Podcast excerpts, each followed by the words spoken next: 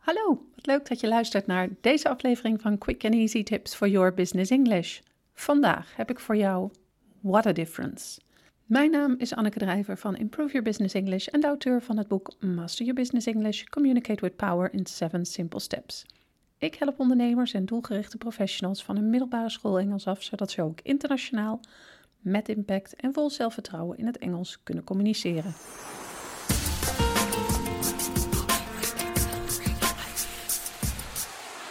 Nederlands en het Engels lijken in veel opzichten erg op elkaar, maar in veel gevallen verschillen de twee talen ook enorm.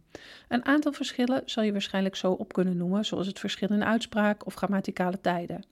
Maar er zullen vast ook een aantal verschillen zijn waar je minder van op de hoogte bent. Deze podcast geeft je een overzicht van een aantal verschillen tussen de Engelse en de Nederlandse taal. Het is namelijk belangrijk om je bewust te zijn van zulke verschillen. Op die manier kun je je Engelse taalgebruik aanpassen aan de gepaste normen en waarden die horen bij de Engelse taal. Dit vergroot je professionaliteit en zakelijke uitstraling. Als eerste onderdeel van deze podcast zal ik me focussen op grammaticale verschillen tussen het Engels en het Nederlands. Als tweede onderdeel ga ik dieper in op de culturele verschillen tussen het Engels en Nederlands. Want wist je dat cultuur ook een enorme invloed heeft op het taalgebruik? Grammaticale verschillen tussen het Engels en het Nederlands. 1. Woordvolgorde kans is groot dat je deze grammatica-regel al onbewust toepast, maar toch is het handig om je bewust te zijn van de regel. Een interessant kenmerk van talen is dat ze een bepaalde vaste woordvolgorde hebben. Het Nederlands heeft een zogenaamde SOV-volgorde, wat staat voor subject, object, verb. In een zin zoals: Ik vind het goed dat Maria loonsverhoging heeft gekregen, kun je deze volgorde herkennen. Het subject of onderwerp komt als eerste, namelijk Maria, gevolgd door het object, of leidend voorwerp, namelijk loonsverhoging. En als laatst komt de verb of het werkwoord aan bod, namelijk heeft gekregen. In tegenstelling tot het Nederlands heeft het Engels de zogenaamde SVO-volgorde, wat staat voor Subject, Verb, Object. In het Engels zou de vertaling van bovenstaande zin het volgende zijn: I think it's great that Maria got a pay rise. Het is waarschijnlijk dat je deze regel onbewust al gebruikt wanneer je Engels praat, maar door de daadwerkelijke regel te kennen weet je ook waarom je het doet. Het gebruik van hulpwerkwoorden. Hulpwerkwoorden, of in het Engels auxiliaries genoemd, worden een stuk meer gebruikt in het Engels dan in het Nederlands. Bij het vormen van een vraagzin wordt er altijd een hulpwerkwoord vooraan in de zin geplaatst, zoals do. In het Nederlands gebeurt dit niet en wordt juist het hoofdwerkwoord vooraan in de zin geplaatst. Grappig feitje, vele jaren terug, bijvoorbeeld in de tijd van Shakespeare, maakte het Engels gebruik van dezelfde vraagzinstructuur als in het Nederlands. Na loop van tijd is dit veranderd. Wie weet gebruiken de Nederlanders over een paar honderd jaar ook wel structureel hulpwerkwoorden bij vraagzinnen.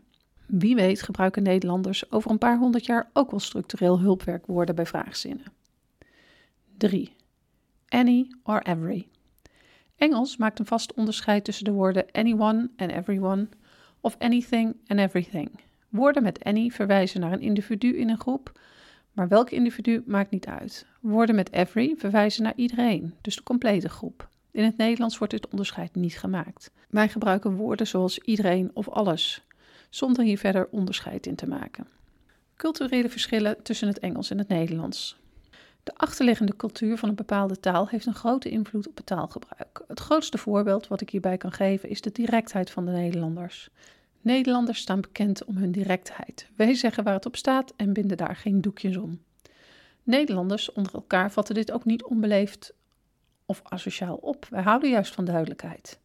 In enorm veel andere culturen is dit echter niet zo. Het Engels staat er namelijk onbekend dat het enorm beleefd is. Bij interactie tussen een Nederlandstalige en een Engelstalige kan dit zorgen voor miscommunicaties of misverstanden. Luister maar eens naar het volgende voorbeeld. Joan. Hi, Mark. Could you perhaps hand me the minutes of yesterday's presentation?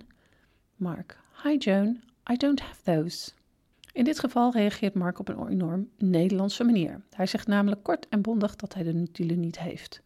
Vanuit een Nederlands perspectief is dit een prima reactie. Mark is namelijk duidelijk en zegt meteen waar het op staat. In het Engels kan dit echter overkomen als iets wat onbeleefd. Engelstalige Joan verwacht vanuit de normen en waarden van haar taal een uitgebreide antwoord met een verontschuldiging en een follow-up question. Dit kan leiden tot een ongemakkelijke stilte en zelfs een miscommunicatie. Luister nu eens naar het volgende voorbeeld. Joan. Hi Mark, could you perhaps hand me the minutes of yesterday's presentation? Mark. Hi Joan, I'm sorry, but I'm afraid I don't have those. I think Tim might have them. Do you want me to ask him? In dit geval geeft Mark een antwoord dat wel aan de normen en waarden van de Engelse taal voldoet. Hij geeft namelijk uitgebreider antwoord met een verontschuldiging en hij vraagt een follow-up question. Het is dus als Nederlander belangrijk om rekening te houden met de directheid van onze taal. Daarnaast is het belangrijk om rekening te houden met de indirectheid van de Engelse taal. Het kan namelijk ook voorkomen dat een Engelstalig persoon op een indirecte manier iets zegt, wat voortkomt uit beleefdheid, maar vanuit Nederlands perspectief verkeerd wordt opgevat.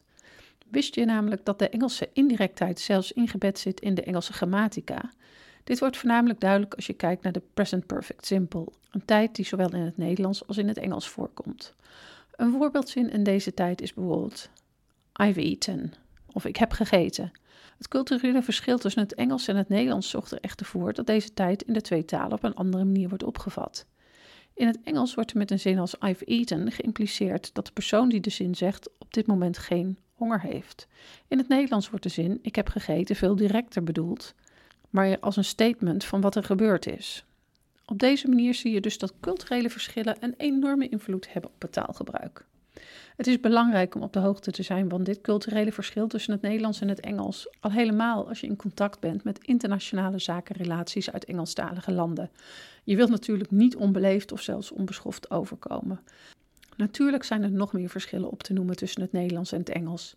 Ben je benieuwd naar meer verschillen of ben je er zelf wel eens een tegengekomen tijdens een gesprek met een Engelstalige collega of zakenrelatie? Laat het me weten in de reacties. Als je deze aflevering hebt geluisterd, zou ik het echt enorm op prijs stellen als je een review voor ons zou willen schrijven op SoundCloud of iTunes.